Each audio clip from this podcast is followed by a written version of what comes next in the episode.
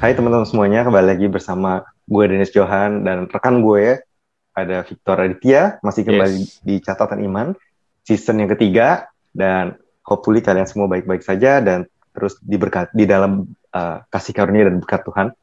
Yeah. Dan kita uh, udah nyampe di episode yang kelima ya Tor ya? Ya betul sekali. Wow, kalau kita lihat di Alkitab tuh lima itu adalah angka yang menunjukkan uh, kasih karunia. Gitu. Makanya Was, tadi gue yeah. ngomong kasih karunia, grace. Jadi apa yang akan kita bahas di episode kasih karunia ini, Ter?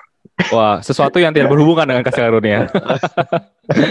Malah nih. sebaliknya ini.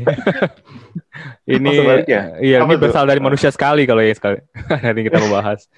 uh, jadi hari ini kita akan membahas sesuatu dari yang datang daripada satu pendengar kita ya jadi ada salah satu pendengar hmm. kita yang uh, direct message kita di Instagram meminta kita untuk membahas hal ini.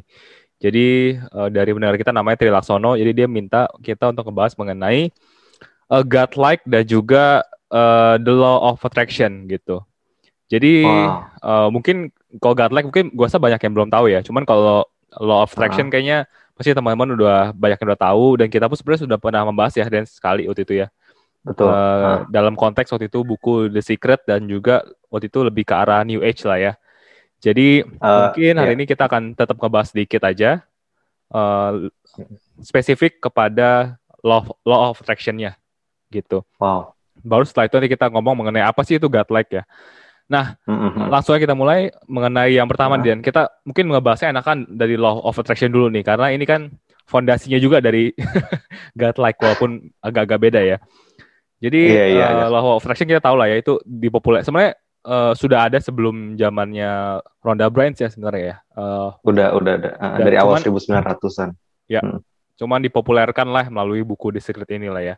Dan Betul. Uh, mungkin lu bisa jelasin sedikit gak Dan mengenai sebenarnya apa sih itu law of attraction dan kenapa itu atraktif buat banyak orang? Nah, law of attraction itu sebenarnya adalah hukum tarik menarik. Basically adalah uh, salah satu natural, law lah ya, maksudnya hukum natural yang diciptakan Tuhan, maksudnya diciptakan bumi kan ada hukum gravitasi, hukum apa, maksudnya itu hukum tabur, oh, segala macam itu memang udah ada udah ada hukum yang uh, to make it go into motions. Nah, dan ini kenapa ini bisa populer banget karena dia menjadikan hukum tarik menarik ini adalah seakan-akan satu-satunya hukum yang menjadi fondasi dari segala alam semesta.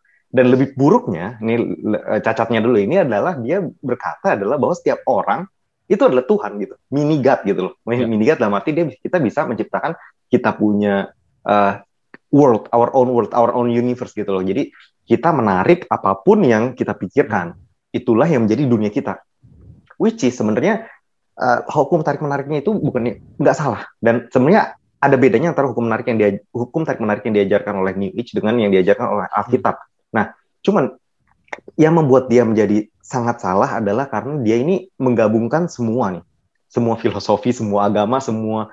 Jadi semuanya tuh ada di situ ada psikologi ya, ada motivasi, ada nat, pokoknya hukum natural ada, tabur tuai ada, hukum spiritual ada. Ini yang bikin uh, kayak hukum tarik menarik di segalanya.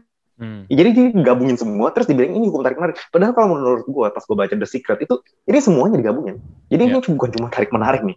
Ini udah menjadikan diri lu Tuhan gitu. Ini sebenarnya hmm. that's the key sih. Jadi uh, dia apa ya dia menggab dia dia menggambar, menggabungkan semua hukum dan semua ilmu pengetahuan di dalam hukum tarik menarik itu yang membuat kita seakan menjadi Tuhan dan seakan membuat hukum tarik menarik The Secret versi The Secret ini ya, jadi this is the truth gitu ini the truth karena hukum psikologi bisa dibuktikan science bisa dibuktikan terus uh, baik hukum apa ya filosofi filosofi dan juga uh, ajaran-ajaran agama di setiap ini kan oleh orang-orang yang berpengetahuan kan, maksudnya baik oleh Buddha, kar ngomong karma, oleh Kristen, tabur tuai, iman, hukum iman juga dia masukin di situ iman Kristen. Jadi dia bilang juga Yesus berkata bahwa apa pun yang kamu minta dan doakan, hmm. percayalah kamu telah menerima. Jadi ini membuat akhirnya menarik menarik banget semua market.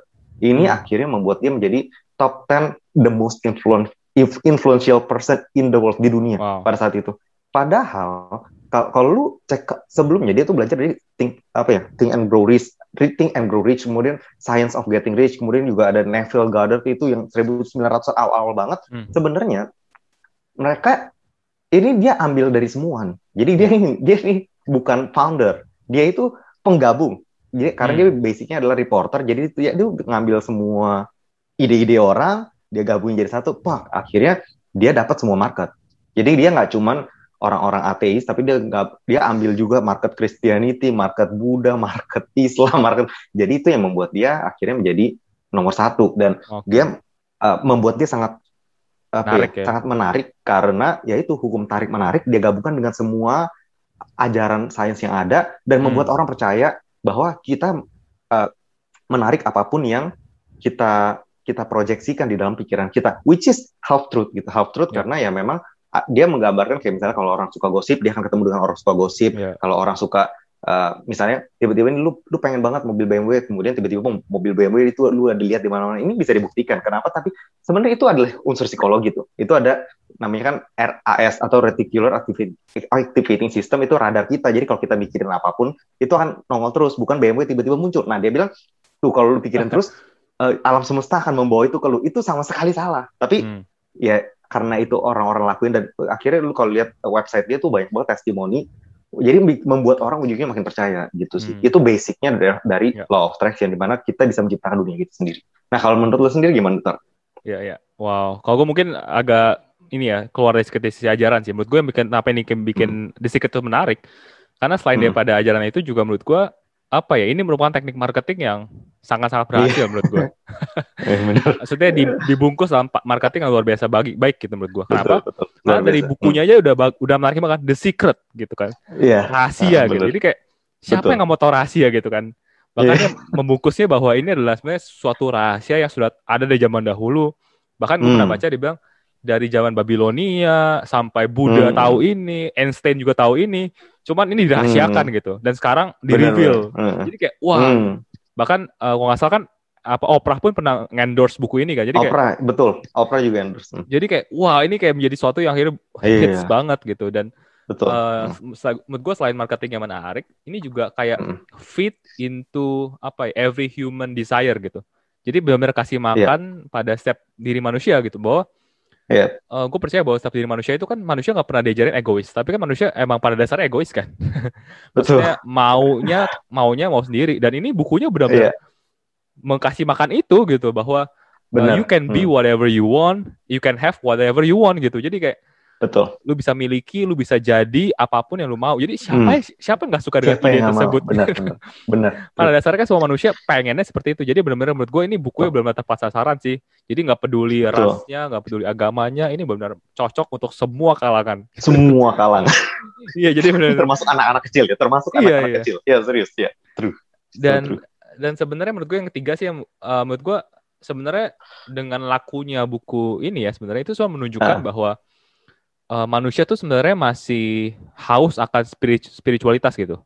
Karena kan sebenarnya hmm. orang berpikir bahwa makin ke sini kan orang makin modern, makin logis, makin gak butuh tuh hal-hal yang kayak gini gitu. Tapi yeah. kan sebenarnya esensi daripada uh, The Secret ini atau Law of Attraction yang kayak lu bilang tadi kan adalah yeah. pikiran kita menciptakan realitas kita kan. Yes, nah, itu kan sebenarnya alam apa ya metafisik ya. Alam bawah sadar. hmm. Maksudnya yang spiritualitas kan. Hmm. Nah, nah, cuman nah. orang kan sekarang udah bosan ke gereja untuk untuk berdoa, hmm. let your will be done, maunya Tuhan, hmm. maunya Tuhan. Orang hmm. udah gak mau gitu, orang maunya maunya gua gitu. Jadi sebenarnya uh, spiritualitasnya menurut gua tetap sama sih. Bukan artinya hmm. sekarang menurun, cuman fokus aja memang yang yang diubah gitu. Hmm. Dan ini sebenarnya hmm. membawa gua ke pertanyaan kedua, Deden. Uh, oh, tadi kau sempat ngomong juga bahwa sebenarnya kalau kita uh, kaitkan dengan Kristen ya, di Kristen kan juga ada tuh hukum tabur tuai lah sebutannya ya. Kalau itu kan yeah, yeah. kalau attraction tarik menarik ini tabur tuai sebenarnya esensinya ah. mirip-mirip. Uh. Bahkan di Kristen juga uh ada yang bilang tadi e, mintalah maka kau akan uh diberikan atau juga uh kita harus berpikir positif ya. Kan uh masa ada ayatnya juga bilang e, pikirkanlah segala sesuatu yang mulia, yang baik, yang baik ya, yang, yang dipuji dan segala macam. Hmm. Itu kan juga kesannya ini supporting banget nih iya. law of attraction.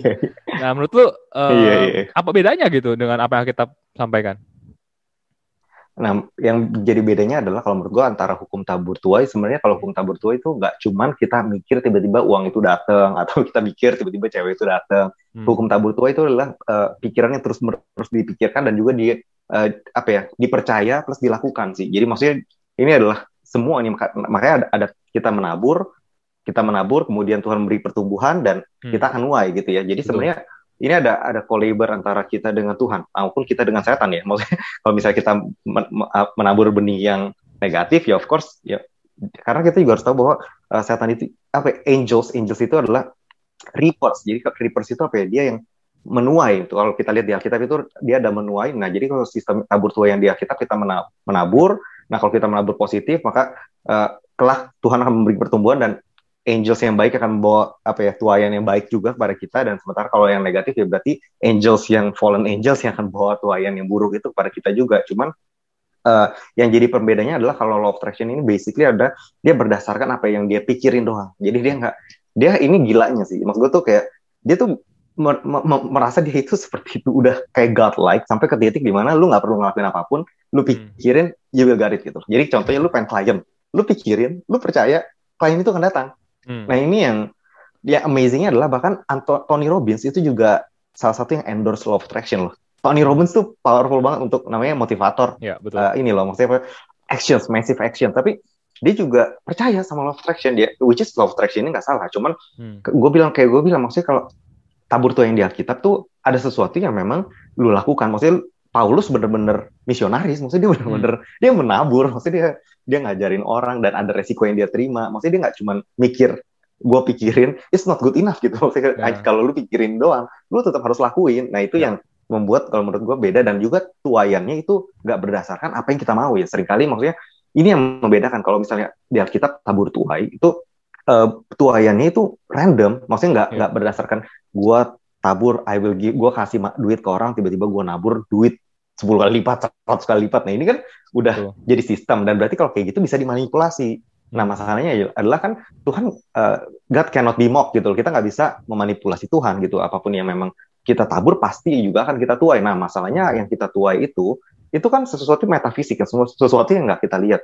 Dan Tuhan yang either dia memberikan tuayan atau dia mengizinkan iblis untuk memberikan tuayan tersebut karena memang hmm. yang ada di Ayub ya itu karena kan di Ayub juga ditulis tuh maksudnya apa pun yang aku pikirkan apa pun yang aku takutkan itu kini yeah. terjadi padaku oh. nah itu sebenarnya kan permisivitas maksudnya Tuhan juga bukan Tuhan yang memberikan penyakit tapi dia mengizinkan karena dia izinkan karena memang Ayub terus kasih apa ya kepada Tuhan tuh persembahan-persembahan yang uh, karena dia takut dia takut anak-anaknya melakukan dosa dan itu dilakukan setiap hari akhirnya ya ya dia membawa ketakutan itu ke dalam dirinya cuman di sini yang gue bilang adalah ini per, perbedaannya. Maksudnya ini law of attraction yang ada di, di The Secret itu gabungin semuanya, termasuk salah satunya hukum tabur tuai. Tapi kalau di Alkitab sendiri, law of attraction itu bukannya di sini, bukan yang di hukum tabur tuai sebenarnya. Law of attraction di Alkitab itu uh, lebih ke arah ah nanti deh ya. Maksudnya kalau ngomongin yang di Alkitab itu karena nanti jadi panjang takutnya. Soalnya uh, itu berbeda bukan bukannya hukum tabur tuai, tapi dia lebih ke arah kingdom of kingdom of God yang uh, berilah maka kamu akan diberikan. Kemudian uh,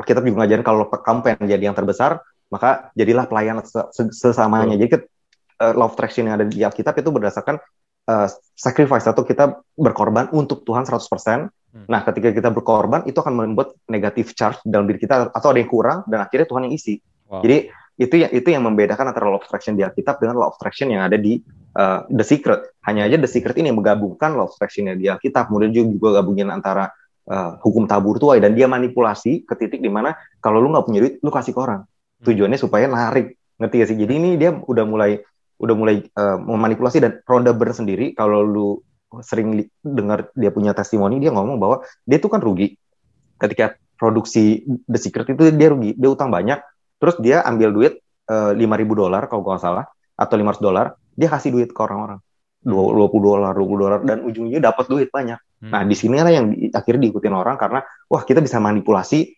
gimana caranya kita dapat duit kasih duit ke orang hmm. dan di, ada basicnya adalah Alkitab lagi give and you will give it waduh hmm. jadi orang-orang Kristen juga percaya jadinya nah ini juga menurut gue itu jadinya error sih dan itu sedikit berbeda dengan hukum tabur tuai tapi the secret yang diajarin Rodaban dia gabungin semua yeah. gitu Wow. Kalau menurut lu gimana, Tor? Ya, uh, setuju banget sih. Ya menurutku memang sebenarnya apa yang dilakukan oleh orang eh, orang-orang yang menganut law of attraction ini dengan menggunakan Alkitab itu menurut gue kurang lebih sama dengan para prosperity gospel sih. Jadi uh, sebenarnya ngambilin ayat ini kode konteksnya gitu. Karena hmm. pertama menurut gue konteks yang keliru adalah pertama source-nya. Karena kalau oh. di Alkitab itu jelas banget source-nya adalah Tuhan ya. Hmm. Kalau sedangkan kalau di law of attraction source-nya adalah diri kita sendiri bahwa Betul. berkat itu datang dari diri kita bukan dari Tuhan.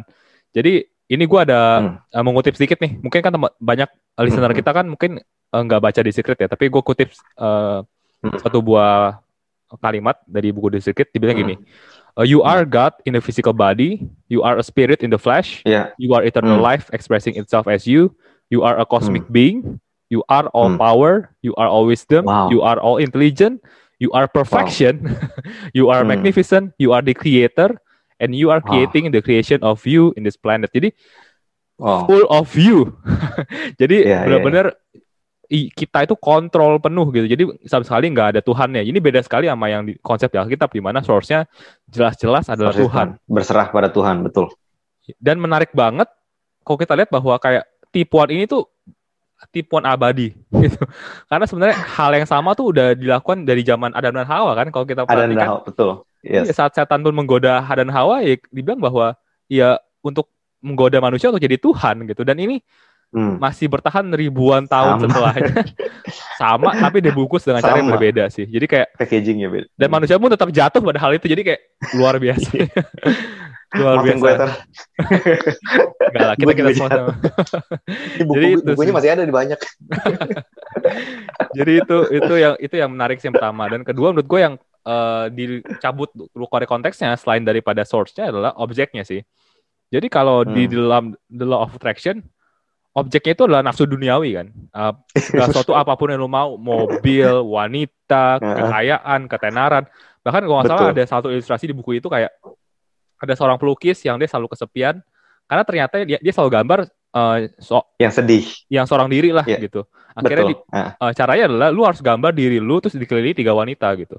Gambar itu terus menerus. kejadian. Hmm. Akhirnya kejadian. Hmm. Nah itu akhirnya yeah. itu kan nafsu duniawi kan. Tiga wanita Banget. sekaligus lagi bahkan. Jadi kayak uh, Nah, itu bedanya dengan Alkitab. Kalau Alkitab adalah objeknya itu justru adalah sebenarnya yang gue bilang tadi Kingdom of God gitu. Hal-hal hmm, yang hmm. surgawi gitu. Jadi Betul. bukannya bukan yang gak ada hal-hal duniawi juga, ada juga. Tapi kalau hal-hal hmm. duniawi tersebut akhirnya menghalangi kita untuk mendapatkan hal-hal surgawi, maka hal surgawi hmm. itu lebih diutamakan gitu. Betul. Nah, itu yang perlu uh, kita kita keep in mind gitu. Bahkan hmm. uh, bahkan kalau kita lihat nih uh, ayatnya yang uh, dengan konteksnya kalau kita baca di 2 Korintus 9 ayat 6 sampai 7 dibilang gini, mm-hmm. camkanlah ini orang yang menabur sedikit akan menuai sedikit juga dan orang yang menabur banyak akan menuai banyak juga. Nah, biasanya orang-orang mm. stop sampai di sini kan. Tapi kita baca selanjutnya, hendaklah masing-masing memberikan menurut kerelaan hatinya, jangan dengan sedih hati atau karena paksaan. Betul. Sebab Allah mengasihi orang yang memberi dengan sukacita. Cheerful giver, ya. Yeah. Iya, jadi ini bukan berbicara mengenai kita menikmati berkat Tuhan, tapi gimana kita hmm. jadi saluran berkat Tuhan untuk yeah, memberkati betul. orang lain gitu. Bahkan uh, Yakobus 4 ayat 3 dikatakan juga atau kamu berdoa juga tapi kamu tidak menerima apa-apa karena kamu salah berdoa. Sebab yang kamu berdoa. minta hmm. itu hendak kamu habiskan untuk memuaskan hawa nafsumu, hawa nafsumu. Hmm. Jadi kayak kembali diingatkan bahwa yang diminta itu bukan buat hawa nafsu gitu. Betul. Uh, bahkan paling jelas di Kolose 2 ayat 3 ya, dibilang uh, pikirkanlah hmm. perkara yang di atas bukan yang di bumi. Jadi hmm. udah jadi orang-orang ini orang-orang yang mengambil ayat kita kode konteksnya. Nah, hmm. bicara nih dan mengenai kekuatan pikiran ya. Ini kan law of attraction kan kekuatan pikiran. Nah, ini ah. ada yang lagi ngetren juga di Indonesia, kekuatan pikiran dalam hal yang lain. Tapi ini lebih sering dipakai dalam hal romantisme ya. Atau oh. oh si godlike inilah ya. oh, nah, I see. Mungkin gue yakin banyak yang belum tahu mengenai godlike. Uh, menurut hmm. lu uh, apa Den yang lu tahu mengenai godlike? God Like ini sih gue tahu berbarengan dengan The Secret karena gue tuh suka banget namanya dulu. Gue jatuh sama Thor. Gue juga sama kayak Adam. Jadi gue juga jatuh. Jadi gue beli buku tuh mungkin ada 50 lebih dan wow. gue juga nggak termasuk dari ebook segala macam. Ronald Frank adalah salah satunya yang gue baca karena gue penasaran banget. Dan waktu itu Ronald Frank itu adalah uh, sebenarnya dia dia itu adalah hmm. founder daripada pecinta wanita pecinta wanita hmm. itu adalah uh, grup yang dia ngajarin gimana caranya kalau untuk para single biar dapat cewek. Which is yeah. gue nggak gitu interest ke situnya, tapi ketika gue lihat di YouTube dia ada ngomongin soal law of attraction. Jadi dulu tuh gue hmm. hampir di YouTube search gue tuh selalu law of attraction, karena gue tuh gila banget ke sini. Yeah. Gitu gue suka banget yang namanya suka sesuatu yang spiritual kayak gini. Untuk orang introvert pasti lu suka. Lu tinggal tidur, lu pikirin tiba-tiba dateng. Jadi kan hmm. enak banget kan. Nah jadi dia itu tiba-tiba uh, sebelumnya kan dia ngajarin trik-trik tuh. Jadi gue hmm. lihat tuh dia, uh, perjalanan di hidup dia. Dia ngajarin trik-trik gue nggak tertarik. Kemudian dia uh, trik ini untuk uh, dapetin cewek kenalan kenalan. Eh tiba-tiba dia bikin of attraction version. Namanya God like level 0 Jadi kan ada level 1, 2, 3. Nah, yeah. level 1 nih untuk lu kayak ibaratnya kelas ya, kelasnya hmm. kelas 1 lu belajar gini deketin cewek, kelas 2, kelas 3. Ini level 0. Apa nih level 0? Waduh, level 0.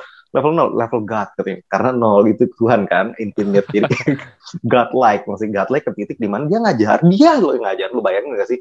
Ini yang kayak gue kaget ketika Tony Robin juga percaya love traction karena ini tipe tipe orang yang sebelumnya action minded, fokus ke action banget, tiba-tiba jadi percaya pada zero action Hmm. Zero action tuh ke titik di mana flow let uh, flow with flow with the universe namanya. Jadi yeah. kayak lu send out, maksudnya kayak dengan pikiran lu, lu send out, lu minta, lu pikirin, lu percaya, hmm. percaya kepada universe, perintah lu udah udah terjadi, lu mau cewek India, cewekin, dan dia bilang, da, testimoninya dalam dua minggu, tiba-tiba dia ketemu dengan cewek itu gitu. Jadi tanpa usaha apa pun, zero action. Jadi kayak makanya dia bilang level zero, zero action. Jadi kayak ya dia dia cuma mengalir dia ini dia ngomong uh, berdasarkan ini yang gue ingat beberapa tahun lalu ya dia mengalir dengan uh, apa ya dengan the flow dengan hmm. yang penting dia pikirin dia percaya dia mengalir dan universe ataupun alam semesta mempertemukan dia dengan wanita yang diidam-idamkan hmm. itulah level zero atau level god like di mana you are the god you attract things maksudnya lu bener lu menjadi pusat magnet magnitude. Jadi yeah. semua yang lu pikirin lu langsung datang ke ke lu. Nah itu kurang lebih godlike sebenarnya. Jadi mirip-mirip sama law of attraction cuman dia lebih fokusnya ke arah wanita gitu. Hmm. jadi cuman ya sama-sama kurang lebih mirip lah gitu. Hmm. dan itu populer karena ya itu siapa sih yang nggak mau? Maksudnya lu mendapatkan cewek yang lu mau gitu. Maksudnya lu coba pikirin yeah. lu bayangin lu lu percaya ya semua orang juga mau gitu Iya kalau kalau menurut lu gimana nih dengan konsep ini? ya, jadi sebenarnya konsepnya sebenarnya uh, secara tujuan sama ya, secara objektif sama ya. Sama, sama mendapatkan sama. wanita, mendapatkan harta, wanita. mendapatkan tahta. Apa pun itu, ya betul. Coba cuman uh, cuma dimainin di konsep-konsepnya aja. Nah jadi ya, kalau godlike sendiri, uh, jadi secara definisi nih dibilangnya adalah cara berkomunikasi dengan sang arsitek atau alam semesta agar ya. apa yang kamu lakukan hmm. dapat sejalan dengan apa yang diinginkannya gitu. Hmm. Namun komunikasi ini kadang terkadang terhalang tuh karena alam bawah sadar kita, karena masa lalu kita, hmm. karena rasa minder kita, uh, hmm. bagaimana kita besarkan dan segala macam. Jadi kayak hmm. uh, kurang lebih sama sih dengan apa yang lo sampaikan. Nah, cuman menurut gua beda dengan law of attraction itu ini dikasih tweak. Tweaknya adalah kalau di law kalau di the law of attraction kan lu harus fokus terus, pikirin terus hmm. kan. Kalau uh, ini hmm. nggak um, usah dipikirin kedua tadi. Uh, pokoknya kalau lu mau dapet cewek gitu misalkan ya udah nggak usah pikirin uh, anggap aja lu lu lu sudah menerimanya gitu wah ini kan Kristen hmm. banget nih kayaknya jadi lu nggak usah pikirin lu pokoknya uh, lu seperti rasakan dan nikmati kalau lu sudah sudah mendapatkannya yeah. hmm. dan berserah penuh aja gitu berserah penuh bahwa Let nanti hmm. pada waktunya akan datang gitu yang lu mau dan sekilas nih kalau kita apa ya uh, denger kesannya kayak ini banget kan Dan kayak Kristen juga nih sebenarnya iya, iya. karena dia hmm. bilang bahwa apa kan di kisah, di kisah juga bilang kan bahwa kalau kamu minta ya percayalah kamu sudah mendapatkannya. Wah, sudah menerimanya betul. Mirip nih bahwa nah. ya kalau nah. lu udah mau sesuatu udah oke berasa lu udah dapet terus dibilang juga lu hmm. berserah penuh gitu. Lu nggak perlu pentingin kapan, cepat atau lambat pokoknya pasti akan datang gitu.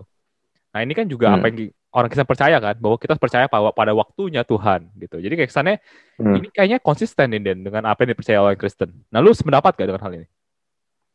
Uh, sebenarnya sih kalau menurut gue ya ada, ada dia mengambil ada half truthnya lah. Maksudnya ada hmm. ada sebagian yang benar hanya aja balik lagi kayak kalau kita di kekristenan pertama sumbernya adalah Tuhan dan dialah yang menjadi dasar dari segala yang kita minta sebenarnya. Karena uh, ada ayat di Alkitab juga berkata bahwa bukan cuma di itu kan Matius 11 ayat 23 24 tuh maksudnya apa pun yang kamu kamu minta dan doa percayalah bahwa kamu telah menerimanya ketika kita berdoa yeah. maka hal itu akan diberikan padamu tapi juga dari ayat-ayat yang lain kata bahwa jika if we abide in God and his word atau uh, firman Tuhan abide in us ada di dalam kita mintalah apa saja maka hal itu akan diberikan kepadamu. Nah, jadi yang di situ kan konteksnya adalah kita harus abide kepada Tuhan dulu, kita harus yield, kita harus uh, berserah dan kita harus meminta kepada Tuhan berdasarkan apa yang firman Tuhan sudah janjikan, bukannya apa yang kita inginkan. Ini yang menjadi pembeda antara uh, law of attraction baik sistem si Ronda Barn maupun si uh, Ronald Frank. Sebenarnya ini Ronald Frank ini juga sama, dia juga karena dia juga nggak ada batasan nih. Kalau kayak gini ngerti sih? Kita bisa minta apa aja kan? Kita bisa minta apa aja. Kita bisa minta itu tujuannya adalah karena gue pengen uh, nge-sex dengan perasaan cewek atau dengan cewek cantik, iya nggak sih? Maksudnya nggak ada oh karena gue pengen membentuk suatu keluarga yang memang keluarga kekristenan supaya ini bisa menjadi contoh dan memberkati banyak orang ini nggak ada sama sekali maksud gue tuh ini berdasarkan apa aja yang lu pengen gitu Betul. lu pengennya cewek gimana matanya besar ini semua apa ya sifatnya duniawi banget nggak ada nggak ada maksudnya nggak ada unsur uh, hmm. Tuhannya di situ karena kita jadi Tuhan ini jadi Betul. Nah ini balik lagi sama kayak yang tadi lu bilang. Ini adalah tipuan yang sama titik gimana ujung-ujungnya manusia ini ditipu untuk percaya bahwa kita adalah Tuhannya gitu. Jadi kita yang hmm. menentukan the rules. Kita nggak butuh kayak oh ini buat uh, supaya memberkati lebih banyak orang kepada Tuhan, tapi yang penting gua maksudnya jadi fokusnya tuh di kita bukan di Tuhan. Ini yang kalau menurut gua sih sama rulesnya nggak ada. Jadi hmm. apa pun yang lu minta, dia, dia bisa ambil-ambil semuanya kecuali Tuhannya dilempar keluar lah. Intinya kalau gue bilang ya, Tuhannya dilempar keluar jadi ganti kita aja gitu. Hmm. Jadi keinginan kita, gue, enaknya gue bodo amat maksudnya apa dampaknya gimana terserah gitu kalau menurut yeah. gue sih jadi kayak gitu yeah, yeah. Tuhannya dihilangin lah gimana menurut lu menurut gue ya juga sebenarnya uh, kalau at the surface sepertinya nggak ada yang salah ya dengan ajaran ini ya Iya. Yeah. Cuma sebenarnya uh -huh. kalau kita belajar lebih dalam tuh sebenarnya hal yang salah menurut gue adalah pertama adalah dia memberikan kayak sense of false positivity gitu. Bahwa hmm. positivitas hmm. yang salah sebenarnya gitu. Karena hmm. kayak lu bilang tadi bahwa ini enak banget kan kayak lu lu nggak perlu berbuat apa-apa lu nggak perlu ngapa-ngapain jadi lu lu nggak perlu mikirin gimana caranya harus ngapain yeah. itu pokoknya lu tinggal diem aja biar alam semesta ataupun Tuhan yang bekerja buat lu gitu. Jadi gue hmm. wow gitu. Yang Tuhan siapa di sini? gitu kan. Jadi kayak hmm.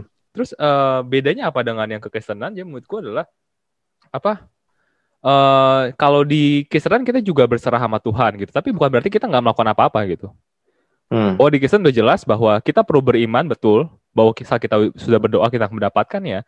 Tapi kan iman tanpa perbuatan itu mati ya.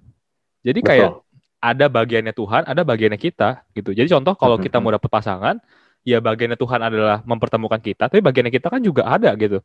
Bagaimana hmm. kita harus terbuka juga, bagaimana kita juga harus lebih aware sama surrounding kita. Itu kan ada bagian-bagiannya kita gitu. Jadi bukannya artinya kita nggak ngapa-ngapain. Jadi ini menurut gue uh, satu hal hmm. yang uh, kurang tepat sih di sini gitu. Terus kedua juga uh, kan di, di kata kiri kan juga juga ngajarin kan bahwa kita nggak boleh inget masa lalu, nggak boleh nggak boleh khawatir, nggak boleh takut. Hmm. Pokoknya uh, yakin aja deh, pas udah udah dapetin gitu. Hmm. Which sebenarnya nggak uh, salah sih, tapi menurut gue adalah ujung nanti ujung-ujungnya yang gue bilang tadi bukannya God's will be done, tapi your will be done gitu. Jadi ujung-ujungnya ya lu, lu lagi lu lagi yang Tuhan ya gitu. Jadi mm-hmm. sebenarnya menurut gua uh, apa pun itu mungkin nggak kita nggak tahu ya ke depannya akan ada ajaran apa lagi. Tapi sebenarnya patternnya itu udah kelihatan gitu. Selama hmm. patternnya tetap menempatkan kita itu sebagai Tuhan itu udah salah lah. Mau yeah. dibungkusnya sebagaimanapun gitu. Nah ini uh, membawa gue ke pertanyaan terakhir nih Dan. Uh, jadi kan mungkin ya hmm. ajaran-ajaran kayak gini kan akan makin berkembang, makin berkembang nih makin ke sini kan. Hmm, hmm, hmm. Karena fokusnya mulai shifting kepada kita, kita dan kita gitu. Hmm. Nah, menurut tuh bagaimana orang Kristen tuh perlu untuk apa ya memperkuat imannya atau memper, memperlengkapi dirinya supaya mereka tuh nggak tergoda-goda lagi dalam hal-hal yang pengajaran seperti ini gitu, pengajaran New Age gini. Uh, kalau menurut gue sih sebenarnya uh, ajar dari kekristenan yang kita harus tahu bahwa ajaran kekristenan diawali oleh uh, mungkin kayu salib ya, kayu salib Kristus hmm. dan Yesus juga berkata bahwa kalau siapa pun ingin mengikut aku, hendaklah ia mengikut salibnya. Yang banyak preacher mulai berkata bahwa ini tuh udah di luar konteks, maksudnya kayak hmm. ini tuh udah maksudnya udah bukanlah, maksudnya udah udah lewat, maksudnya itu cuma tuh yang Tuhan cuma pengen yeah. kayak um, itu itu cuma uh, ilustrasi lah, bukannya Tuhan pengen kita memikul salib segala macam. Hmm. Jadi karena Tuhan Yesus sudah memikul salib, kok kita nggak perlu memikul salib. Tapi sebenarnya itu masih ajaran kekristenan di mana kita tuh harus memikul salib itu maksudnya menyalibkan daging kita karena Betul. di perjanjian baru sekalipun kan Paulus juga ngomong bahwa apakah kita mau sowing kepada spirit ataupun sowing kepada flesh kan yeah. kalau kita kepada kedagingan kita ya you will reap all kinds of things kayak yes. uh, kehancuran distractions dan segala macam tapi kalau kita ke spirit maka dari life gitu ada kehidupan di sana nah jadi kita diharapkan akan selalu ke, kepada dua dua area kehidupan ini antara kedagingan which is diri lu sendiri daging lu atau spirit Roh Kudus ini yang sering kali butuh pengorbanan untuk kita lakukan. Yeah. Makanya dibilangnya pelayanan kan. Pelayanan hmm. karena itu ya ada pengorbanan di situ. kalau lu nggak bisa bilang pekerjaan lu pelayanan lu karena di situ ada gaji lu. Hmm. Kecuali kalau lu nggak keberatan nggak digaji. Yeah.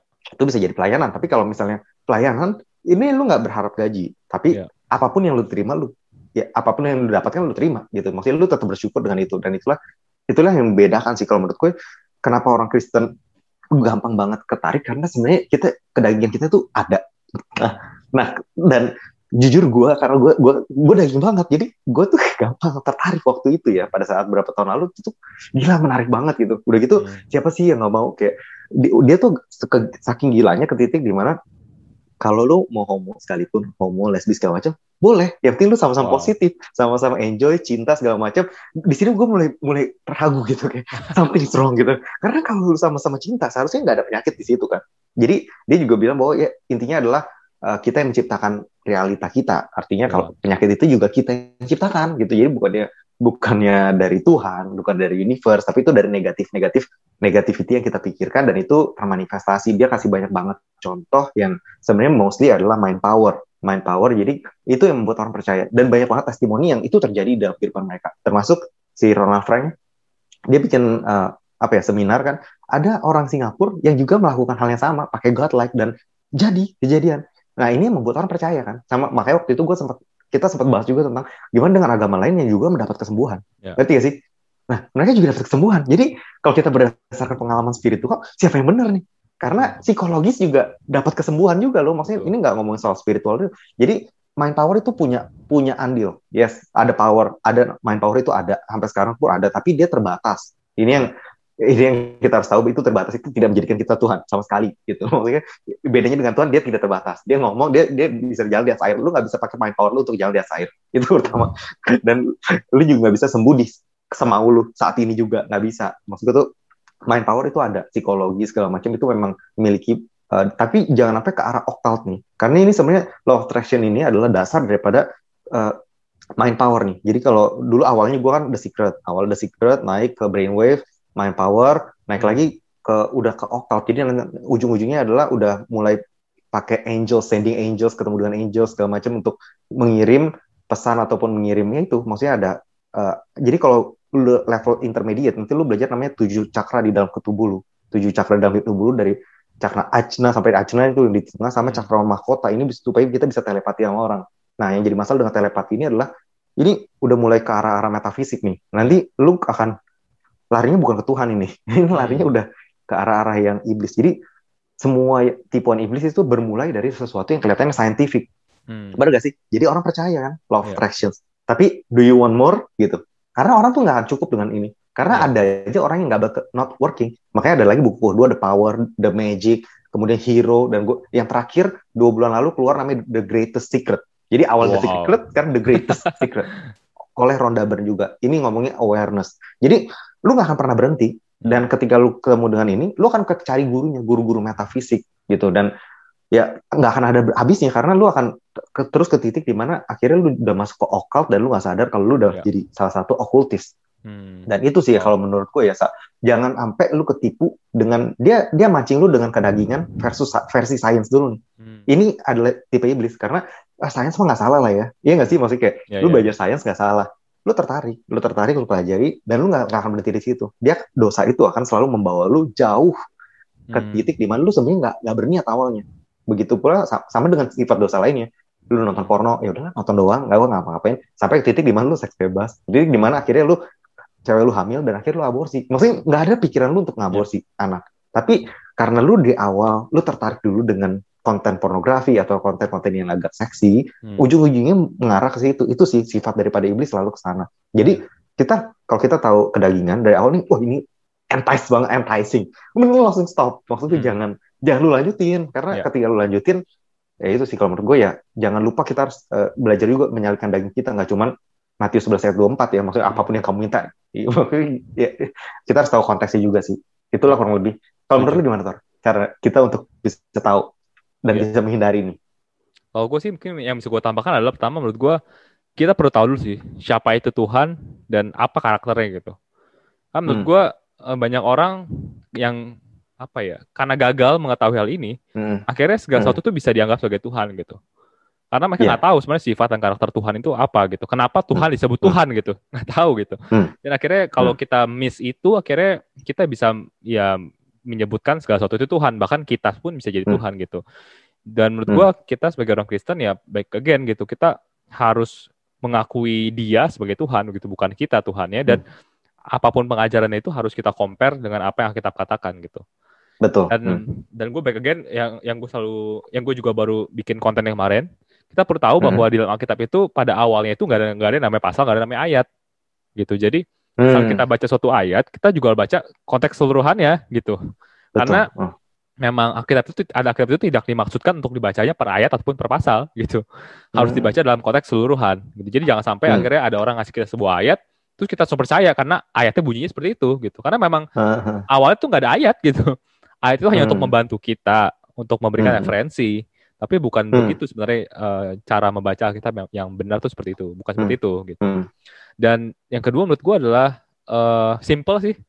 Uh, let's get back to reality gitu. Hmm. Karena menurut gue uh, uh, law of law of attraction ini dan juga God luck ini tuh seperti kayak membawa kita ke alam mimpi lah bisa gue bilang ya. True. Kayak hmm. ya di ya di mimpi kan lu lu bisa jadi apa pun yang lu mau, lu bisa dapetin apa pun yang lu mau. Jadi kayak ini bawa lu ke alam mimpi yang too good to true. be true gitu. Tapi menurut gue let's get yeah. back to reality. Hmm. Kan menurut gue gini kalau manusia itu sebegitu hebatnya, maka hmm. harusnya nggak ada tuh namanya peperangan, nggak ada namanya penyakit, nggak hmm. ada namanya musibah, bencana alam dunia hmm. ini gak akan sehancur ini gitu kalau manusia itu begitu hebatnya. Tapi menurut gua hmm, ini membuktikan sebenarnya manusia itu sangat-sangat terbatas gitu. Dan manusia hmm. itu nggak bisa mengontrol segala sesuatunya gitu. Bahkan hmm. pemerintahan hebat apa pun juga in history nggak pernah bertahan lama gitu. Karena pasti akan jatuh juga. Jadi menurut gua betul. Uh, yes betul gue setuju banget sama lu bahwa manusia juga have power, punya kuasa karena memang kita diciptakan segambar dan serupa dengan Tuhan. Hmm. Tapi itu bukan artinya bahwa kita bisa apa ya menggunakan hal-hal yang diberikan Tuhan itu malah membuat kita hmm. seakan-akan jadi Tuhan gitu. Jadinya Betul. salah. Gitu. Hmm. Betul. Jadi itu sih menurut gue jangan sampai tertipu oleh tipuan-tipuan iblis yang tadi lu sempat bilang bahwa karena come on man gitu ini sudah berlangsung ribuan tahun jangan sampai kita jatuh yeah. lagi. Kalau istilah pepatah aja kalau daya aja tidak jatuh di lubang sama dua kali ya kita. Tapi manusia udah berkali-kali di lubang yang sama gitu. Walaupun uh, lubangnya dihias dengan cara yang berbeda-beda. Oke, Uh, nah, Tor, gue mau nanya, Tor, iya. sebelum kita tutup. Okay, okay. Nah, gue mau nanya nih, kalau menurut lu nih, untuk orang Kristen belajar uh, mind power, kemudian juga baik dia aktivasi cakra ataupun aura, segala macam untuk, ini kan uh, sesuatu yang, apakah ini salah nggak sih untuk kita main? Uh, karena lu tahu nggak sih buku yang, salah satu buku yang ditulis oleh penulis Jepang, di mana dia uh, Anatomy of Water, di mana dia lihat, ya, dia bilang bahwa dia ngetes tiga jenis air, dan ada satu yang dikasih positif, negatif, dan apa tidak dikasih apa pun, itu yang positif hmm. itu kristal airnya tuh sempurna. Nah, which is di situ kita dipercayalah bahwa uh, manusia memiliki mind power, memiliki uh, apa pun yang kita katakan itu punya power sebenarnya. Hmm. Cuman ke arah seberapa besar powernya itu yang belum diketahui karena itu ada ada frekuensi, ada vibra vibration segala macam. Nah, untuk orang Kristen belajar vibration power, kemudian mind power, frekuensi, cakra, aura, ini boleh nggak sih kalau menurut lo nih? Gue mau nanya menurut gue sih kalau mempelajari sih boleh-boleh aja ya. Maksud gue untuk lu tahu apa itu, menurut gue boleh-boleh aja sih. Cuma maksud gue saat lu, saat lu mempelajari hal itu, back again, bahwa kita sebagai orang Kristen, buku panduan kita kan Alkitab. Jadi harus uh -uh. Uh, disandingkan dengan Alkitab sih. Apa apa saja yang berlawanan ya itu yang harus uh, ditolak gitu. Hmm. Jadi menurut gue tapi boleh kita memakai memakai hal tersebut. Memakai kan, sih ya, ma boleh. Gue sih dalam konteks mempelajari ya mempelajari boleh-boleh hmm. mempelajari untuk kayak kayak lu contohnya nah. Den dengan lu mempelajari hal hmm. itu lu jadi tahu nih mana yang salah dan mana yang masih oke okay, nah. ataupun masih sejalan. Nah, menurut gue itu boleh-boleh hmm. aja. Cuman untuk mempraktekannya baik lagi. Kalau menurut itu nggak sejalan dengan Alkitab ya nggak boleh praktekin. Hmm, tapi kalau sejalan, kalau sejalan dari mati kayak gue makanya main, dengan main power untuk membuat suatu orang lain menjadi positif atau apa segala macam ini, kalau menurut lu gimana? Itu boleh atau enggak?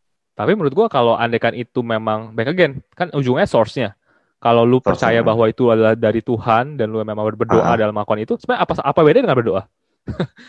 sebenarnya hmm. lebih sama kan, cuma beda kan kalau yang uh, yeah. itu kan source-nya ke diri lu sendiri kan bahwa kekuatan itu mulai dari lu gitu. Jadi menurut gua hmm. kalau lu bisa melakukan hal itu metodenya tapi lu impartasi dengan kekuatan Tuhan menurut gua bisa apa tahu bisa jadi lebih powerful. gitu. Hmm.